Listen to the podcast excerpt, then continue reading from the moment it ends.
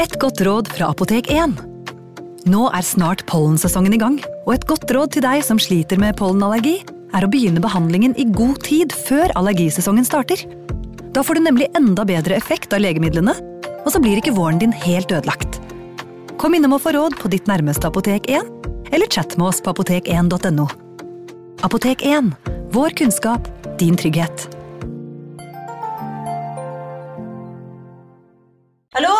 Jeg kommer fra Oslo politikammer.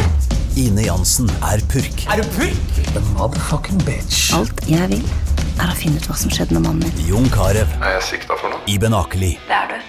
Ole So, Lars Berrum og Big Daddy Karsten. Hvem sin side er du på, egentlig? Anette Hoff, Tone Danielsen, Kommer du fra Afrika? Jørnis Josef, Nesten. Kløfta. Trond Espen Seim, Det er synd å si det, men det var feil mann som døde. Purk. Premiere tirsdag på TV2 Play. Ungsamtalen fra DNB er økonomisk veiledning tilpasset deg som er ung. Bokk en ungsamtale på dnb.no. slash ung. Det er kjempebra hvis du skal inn på boligmarkedet, hvis det er drømmen din, liksom. Det er det du skulle sagt. Og så kunne du ropt litt mer, da, sånn som jeg gjorde. Bam! Advarsel. Historiene vi forteller i denne podkasten kan være fiktive og avvike fra den opprinnelige historien av dramaturgiske årsaker. Meninger og påstander i historiene reflekterer nødvendigvis ikke programledernes meninger eller virkeligheten.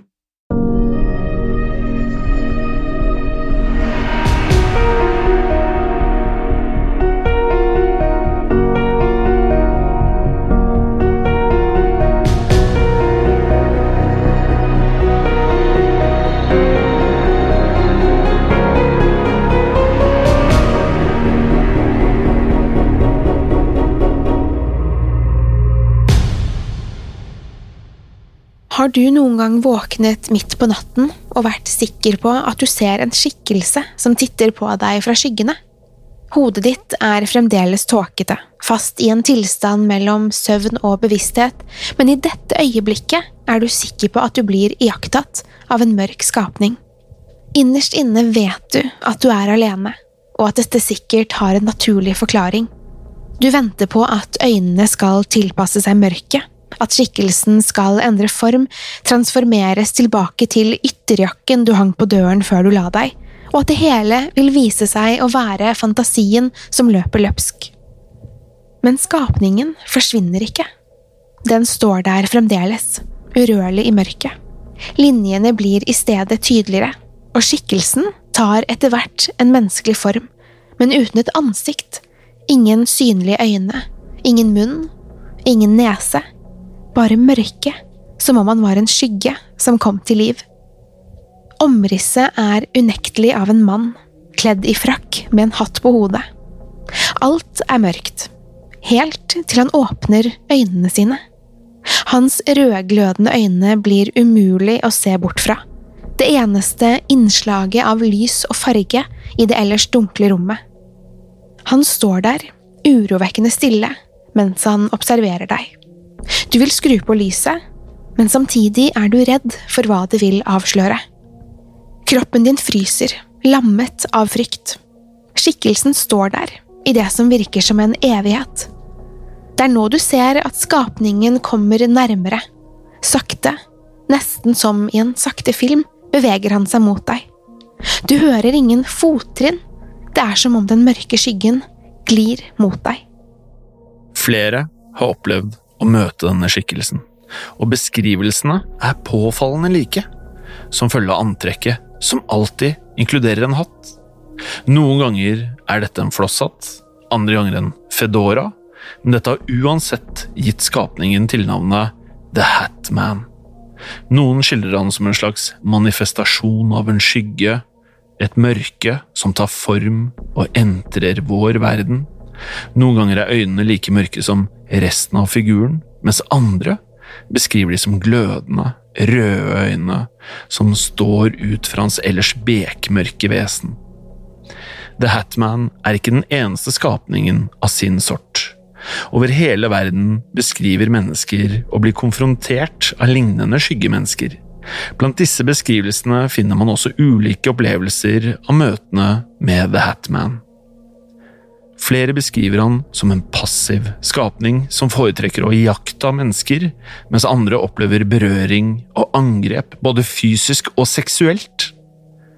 Selv i tilfellene der The Hatman kun viser seg, beskriver de som har møtt han et enormt ubehag. En følelse om at hans nærvær er et forvarsel om noe ondt, og en visshet om at The Hatman ikke er ferdig med dem, og snart kommer til å returnere. I mange av disse tilfellene blir det beskrevet at The Hatman returnerer til mennesker gjennom hele livet, og at mange beskriver å ha sett han allerede som små barn, oftest på sitt eget soverom eller i husets kjeller. Noen vil kanskje si at The Hatman er en hallusinasjon. Kanskje en slags manifestasjon på emosjoner som får løpe løpsk. At The Hatman viser seg for utsatte mennesker, alltid i mørke områder som mange har negative assosiasjoner til, blir derfor avvist i likhet med andre spøkelseshistorier av skeptikere. De som har opplevd denne skapningen, snur på denne argumentasjonen og mener at det heller er frykten deres som maner frem The Hatman i utgangspunktet. Det virker nemlig som at The Hatman ofte manifesterer seg for mennesker i utsatte og sårbare situasjoner, enten etter traumatiske hendelser, for mennesker med psykiske lidelser, for mennesker som kjemper mot avhengighet, eller i det hele tatt der det finnes en svakhet han kan utnytte. Selv i tilfellene der The Hatman ikke aktivt forsøker å påføre skade, har han en negativ effekt på disse menneskene som allerede er i en emosjonelt ustabil situasjon. Det er som om han tar næring fra deres frykt, sinne og smerte. Ikke alle beskriver han som en skikkelse som nødvendigvis ønsker å påføre smerte eller frykt, men heller at The Hatman viser seg for dem i nærværet av en ond person. En kvinne fortalte om at hun hadde observert The Hatman da hun var i et forhold med en mann som senere skulle vise seg å være ustabil og voldelig. Hun begynte å se skyggefigurer i perioden hun var sammen med denne mannen, men så de aldri igjen etter at forholdet endte. Da The Hatman-fenomenet først ble kjent, var det mange som beskrev å ha sett nettopp denne skikkelsen. Det var også tilfeller av flere medlemmer av én familie som hadde observert The Hatman i hjemmene sine. Antallet mennesker som påstår å ha blitt konfrontert av denne skikkelsen, og de sammenfallende beskrivelsene, har gitt fenomenet mye oppmerksomhet og medført at mange er sikre på at The Hatman og lignende skyggeskapninger er mer enn bare fantasi. The Hatman har også blitt beskrevet av mennesker som opplever søvnparalyse. Dette er en tilstand der man rett etter å ha våknet fra dyp søvn opplever en midlertidig lammelse av kroppen. Til tross for at man opplever å være våken og sanser alt som skjer rundt seg, er man ute av stand til å bevege seg. Å ligge på denne måten blir beskrevet av mange som fryktelig i seg selv, men mange opplever samtidig å se fryktinngytende hallusinasjoner som oppleves ekte mens de er låst i denne tilstanden. Fanget i denne situasjonen, ute av stand til å bevege seg, blir naturligvis også denne opplevelsen av The Hatman enormt traumatisk. Det er selvfølgelig ingen som vet med sikkerhet hva disse skyggeskapningene er for noe, og hvorfor de viser seg for oss mennesker. Noen teorier beskriver dem som demoner, eller romvesen, eller kanskje vesener fra en annen dimensjon. Dette er for mange et forsøk på å forklare hvorfor de får dette skyggeaktige utseendet da disse interdimensjonale skapningene kan eksistere på et annet plan enn vår virkelighet. Andre forsøker å forklare skyggeskapningene som spøkelser eller som astralprojeksjon, et fenomen der et menneskets bevissthet forlater den fysiske kroppen. De skyggelignende figurene er i denne forklaringen altså en visuell manifestasjon av nettopp dette. Andre forsøker å forklare dette som et resultat av vår kollektive bevissthet, og forklare likheten i skikkelsen som blir beskrevet som et resultat av felles opplevelser av populærkultur. Mange figurer fra skrekkfilmer og litteratur eksisterer på tvers av kulturer, og danner grunnlaget for frykt og fobier som entrer våre underbevisstheter. I så måte kan ideen om den hattekledde skyggepersonen som oftest angriper deg når du sover, være en sammenslåing av karakterer som Freddy Kruger i kombinasjon med den universelle opplevelsen av å se ulike figurer i skyggene i mørke rom. Selv for de som er overbevist om å ha støtt på slike skyggemennesker, forblir opphavet et mysterium. Uansett hva man velger å tro, er det stadig flere som beskriver sine møter med The Hatman. Denne skildringen er sendt inn av en av våre lyttere. Fortellingen jeg nå skal dele med dere, er sann. Ingen detaljer er diktet opp, og alt fortelles i sin helhet, akkurat slik jeg opplevde det. Jeg har alltid vært fascinert av det overnaturlige, av skrekkfilmer og skumle historier. Da jeg var 15–16, fikk jeg et Ouija-brett fra familien min. Jeg prøvde det noen ganger, fulgte alle instruksjonene, men jeg opplevde likevel aldri noe. Etter å ha blitt skremt av historier jeg fant på nettet, valgte jeg til slutt å gi det bort. Jeg trodde jeg hadde vært forsiktig, men kort tid etter dette fulgte likevel flere merkelige opplevelser. Moren min og jeg hadde flyttet inn hos stefaren min da jeg var ti år gammel, og på dette tidspunktet kjente jeg ikke til historien om hva som hadde skjedd i huset. Før vi flyttet inn, hadde han bodd i huset med hans tre barn. Stefaren min var kaptein i militæret og oppbevarte våpen hjemme. En dag skal hans eldste datter ha funnet en av disse våpnene. Hun tok det med til soverommet til stefaren min, ladet våpenet, før hun pekte det mot hodet sitt og fyrte av. Jeg lærte ikke dette før jeg var 19 år, ikke av stefaren min, men av en nabo. Naboen fortalte meg om episoden og hvordan kulen som hadde tatt livet av min stefars datter, hadde fortsatt gjennom veggen og videre inn i nabohuset. Da jeg fikk vite om dette, begynte jeg å frykte at dette kunne være knyttet til opplevelsene jeg hadde tidligere. Det hele startet da jeg var rundt 18 år. Jeg våknet en natt og lå helt lammet i sengen. Jeg så og hørte alt som foregikk rundt meg, men kroppen min var paralysert. På dette tidspunktet hadde jeg aldri hørt om søvnparalyse, og aldri opplevd det før. Jeg ble livredd.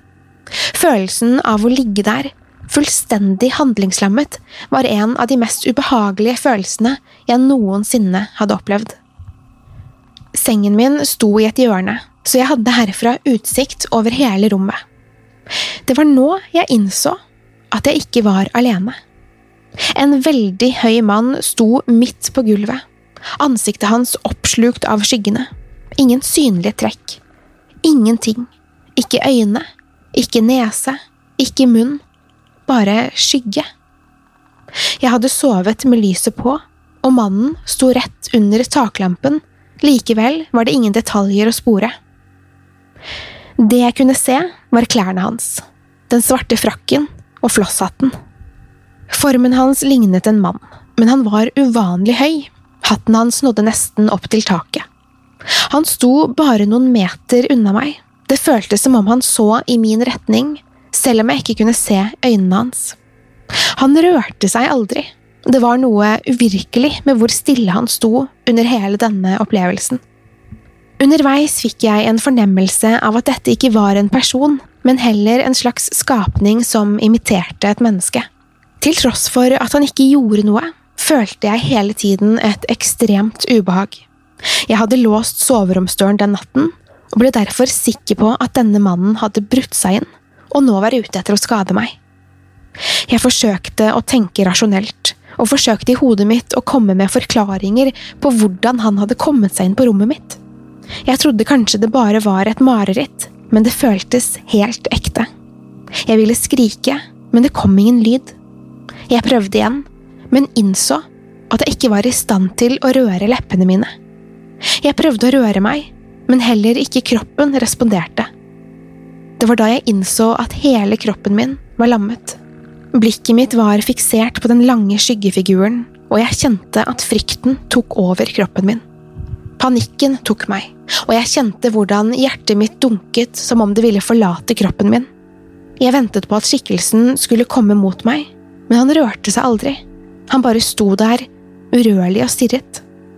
Dette gjorde nesten opplevelsen enda mer fryktinngytende, da jeg ikke kunne gjøre annet enn å ligge der i påvente av hva denne skapningen ville gjøre mot meg.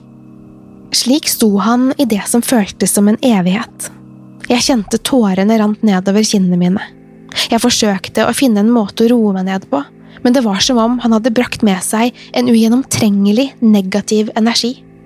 Uansett hva jeg prøvde å gjøre, klarte jeg ikke tenke klart, og var hele tiden overbevist om at skyggeskapningen ville meg noe vondt. Plutselig hørte jeg en lyd. Det hørtes ut som om en hund knurret ved siden av meg. Igjen forsøkte jeg å snu hodet mitt, men kroppen var fremdeles fullstendig paralysert. Denne knurringen ble høyere og høyere, og det føltes etter hvert som om lydkilden var helt inntil øret mitt. Panikken var i ferd med å ta kontroll over hele meg, og jeg var sikker på at jeg var i ferd med å dø. Det var da jeg til slutt klarte å fokusere all energien min på å bryte ut av denne paralysen. Ved å fokusere på å vekke en liten del av kroppen, håpet jeg å klare å gjenvinne kontrollen over resten av kroppen. Jeg brukte alle kreftene mine på å forsøke å bevege en tå. Bare dette føltes som en kraftanstrengelse, men da jeg til slutt kjente tåen bevege på seg, innså jeg at jeg var i stand til å vekke meg selv fra denne tilstanden. Da bena til slutt var vekket, klarte jeg å reise meg fra sengen. Litt etter litt, kroppsdel for kroppsdel, hadde jeg til slutt kontroll over kroppen min igjen. Da jeg til slutt hadde gjenvunnet styrken til å reise meg, innså jeg at mannen med hatt var borte. Knurringen var også forsvunnet. Det var stille igjen i rommet. Jeg brukte et øyeblikk på å komme meg, og forsøkte å forstå om dette virkelig hadde skjedd. Til slutt løp jeg bort til PC-en min og forsøkte å google Can't move while sleeping. Til min store overraskelse ble jeg møtt av millioner av treff, og jeg satt våken resten av natten mens jeg leste meg opp på søvnparalyse. På internett var det hundrevis av historier fra mennesker som hadde opplevd det samme, og jeg fant en slags trøst i at jeg i det minste ikke var fullstendig gal. Jeg ble i en periode besatt av denne opplevelsen og advarte vennene mine om søvnparalyse og forsøkte å fortelle dem hva de kunne gjøre dersom de skulle oppleve det selv. Jeg vet ikke eksakt hvor lenge jeg lå der. Kanskje var det bare to minutter, men det føltes som timer mens jeg, skrekkslagen, kjempet for å gjenvinne kontrollen over kroppen. Dette var den eneste gangen jeg opplevde denne typen søvnparalyse, og så heller aldri mannen med hatten igjen.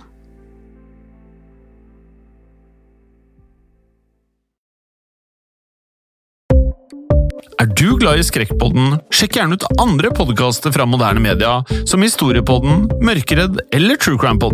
Podkastene våre finner du der du lytter til podkast, som på iTunes eller på Spotify.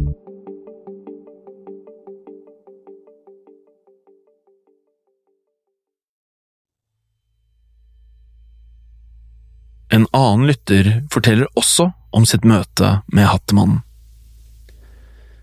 Grunnen til at jeg vil fortelle om disse ubehagelige opplevelsene, er at jeg i voksen alder, i midten av 20-årene, fant ut at dette er et fenomen mange mennesker har opplevd. Skyggemennesker, The Hatman, eller Skyggemannen, som jeg kaller han, en slags myte, men mange på nettet har opplevd noe lignende av det jeg skal fortelle om nå. Som barn kjente jeg ikke til dette, og avfeide derfor tidlig opplevelsen som oppspinn fra et fantasifullt barnesinn. Som barn var jeg nok mer åpen enn andre barn. Jeg hadde gjennom hele barndommen mange uforklarlige og mystiske opplevelser. Dette gjorde at jeg ikke følte meg som andre barn, og tenkte at jeg hadde en annen kontakt med verden enn de fleste rundt meg. Men på et tidspunkt gled disse mystiske opplevelsene over i noe ubehagelig. Jeg mistenkte at dette skjedde i forbindelse med min sporadiske lek med spiritisme i forskjellige varianter, blant annet et Ouija-brett, uten å egentlig vite hva jeg holdt på med. Kanskje var det noe fra den andre siden som satte seg i meg, og dermed fikk fotfeste i vår verden. Dette var en gang på slutten av barneskolen. Årstiden var et sted mellom vår og sommer, det var fremdeles varmt ute, og jeg hadde knyttet jakken rundt livet på vei hjem fra skolen. På ryggen hadde jeg skolesekken full av bøker og tegnestifter. Det var få barn som gikk samme vei som meg hjem fra skolen, og på denne dagen var jeg helt alene på skoleveien. Jeg nøt solen og sluntret sakte av gårde. Alt i alt var dette en god dag. På vei hjem fra skolen måtte jeg krysse motorveien gjennom en tunnel under bakken. Dette var en skitten og slitt tunnel, ofte dekket av tagging.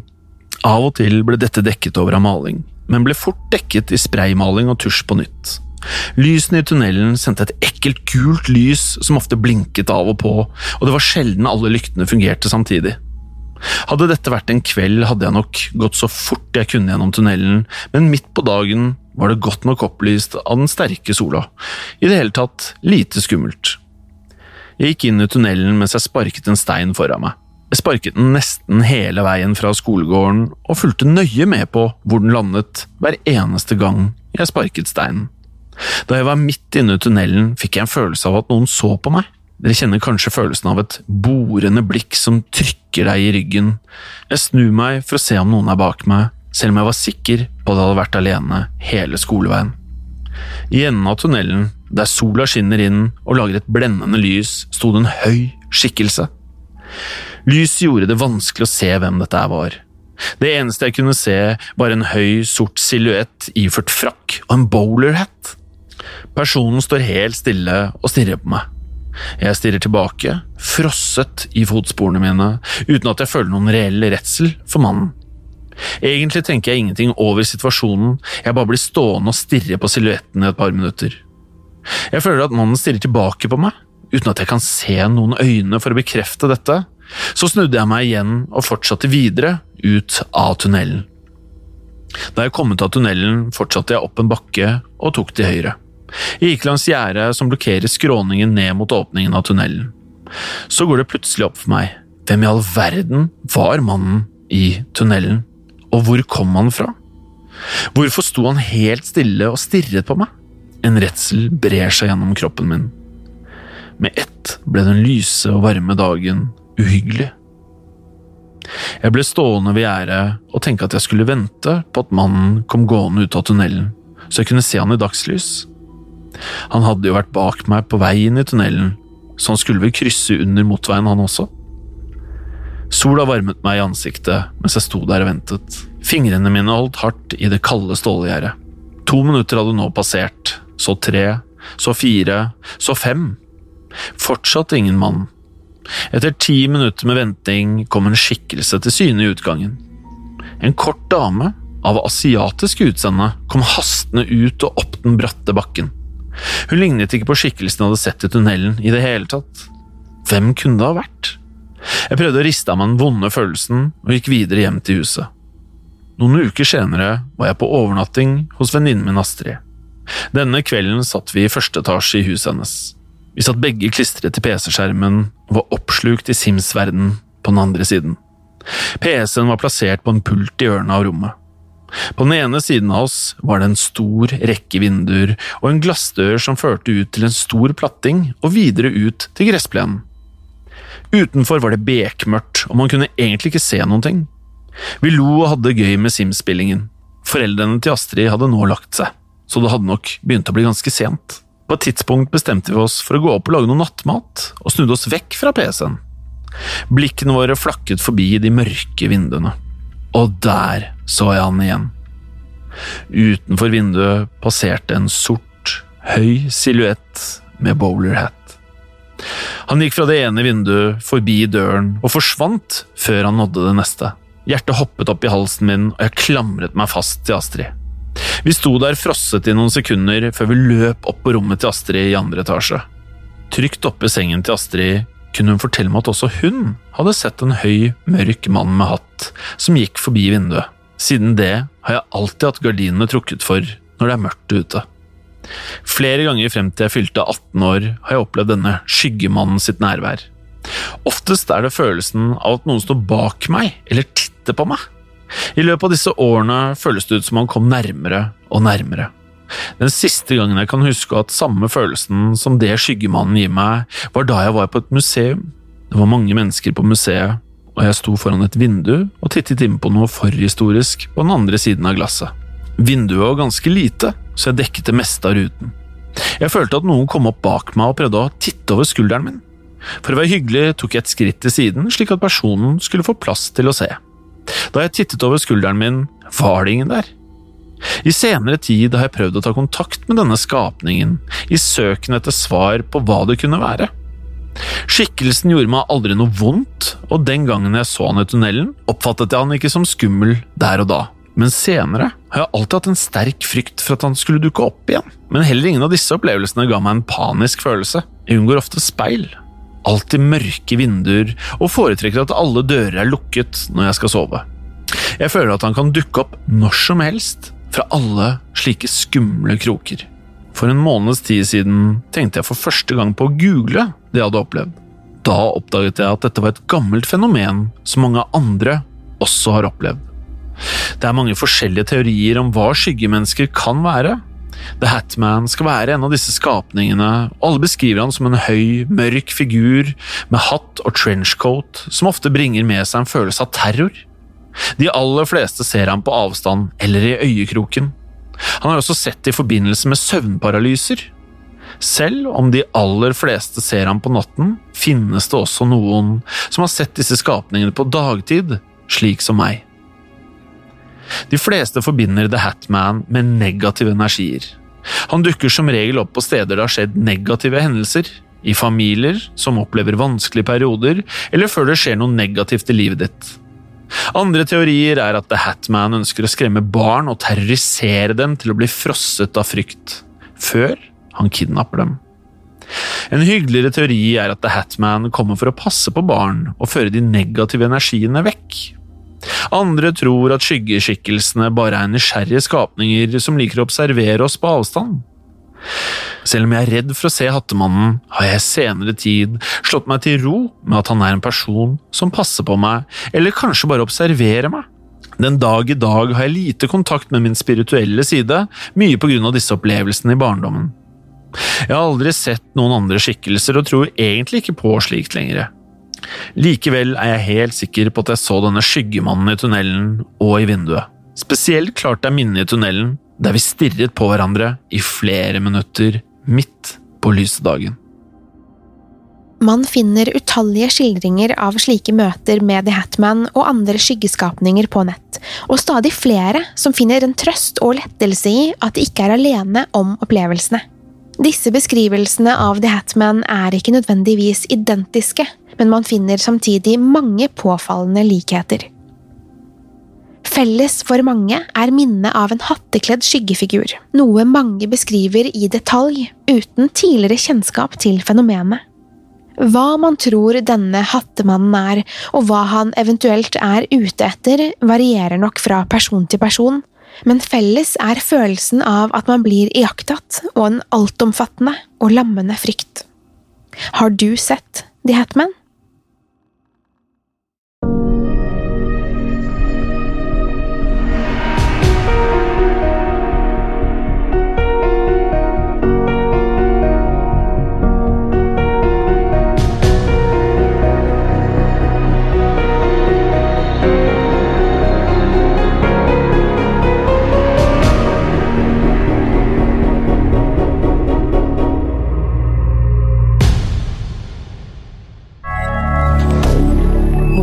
Media.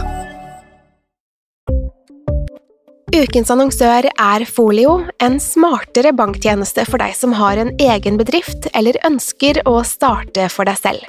Folio er en superenkel nettbank for bedrifter. Som kunde i Folio får du en bedriftskonto med et bedriftskort og app. I denne appen er det smarte løsninger som forenkler regnskapet ditt, uansett om du har en liten bedrift eller et enkeltpersonsforetak. Folio er både intuitivt og brukervennlig, og er laget med et enkelt språk. I tillegg tilbyr de forutsigbare priser og ingen skjulte gebyrer. Skulle du likevel trenge det, så kan du snakke med deres raske og hyggelige kundeservice, og der får du prate med en faktisk person og ikke en chatbot. Folio er med andre ord både enklere og koseligere enn banken. Over 10 000 bedrifter har allerede valgt Folio som sin banktjeneste, så besøk folio.no og se hvordan Folio kan forenkle din hverdag også. Har du et enkeltpersonforetak eller en liten bedrift? Da er du sikkert lei av å høre meg snakke om hvor enkelt det er med kvitteringer og bilag i fiken, så vi eh, gir oss her, vi. Fordi vi liker enkelt. Fiken superenkelt regnskap. Kiwi er billigst i VGs matbørs og har vært billigst i fire av de fem siste VGs matbørser. Og nå presser vi prisene på frukt og grønnsaker. På 200 gram broccolini setter vi prisen til 24,90. På 400 gram Cevita blåbær setter vi prisen til 49,90. Og husk, alle Kiwi Pluss-kunder får i tillegg 15% trumfbonus på all fersk frukt og grønt. For det er vi som er prispresserne. Og vi i Kiwi gir oss aldri på pris.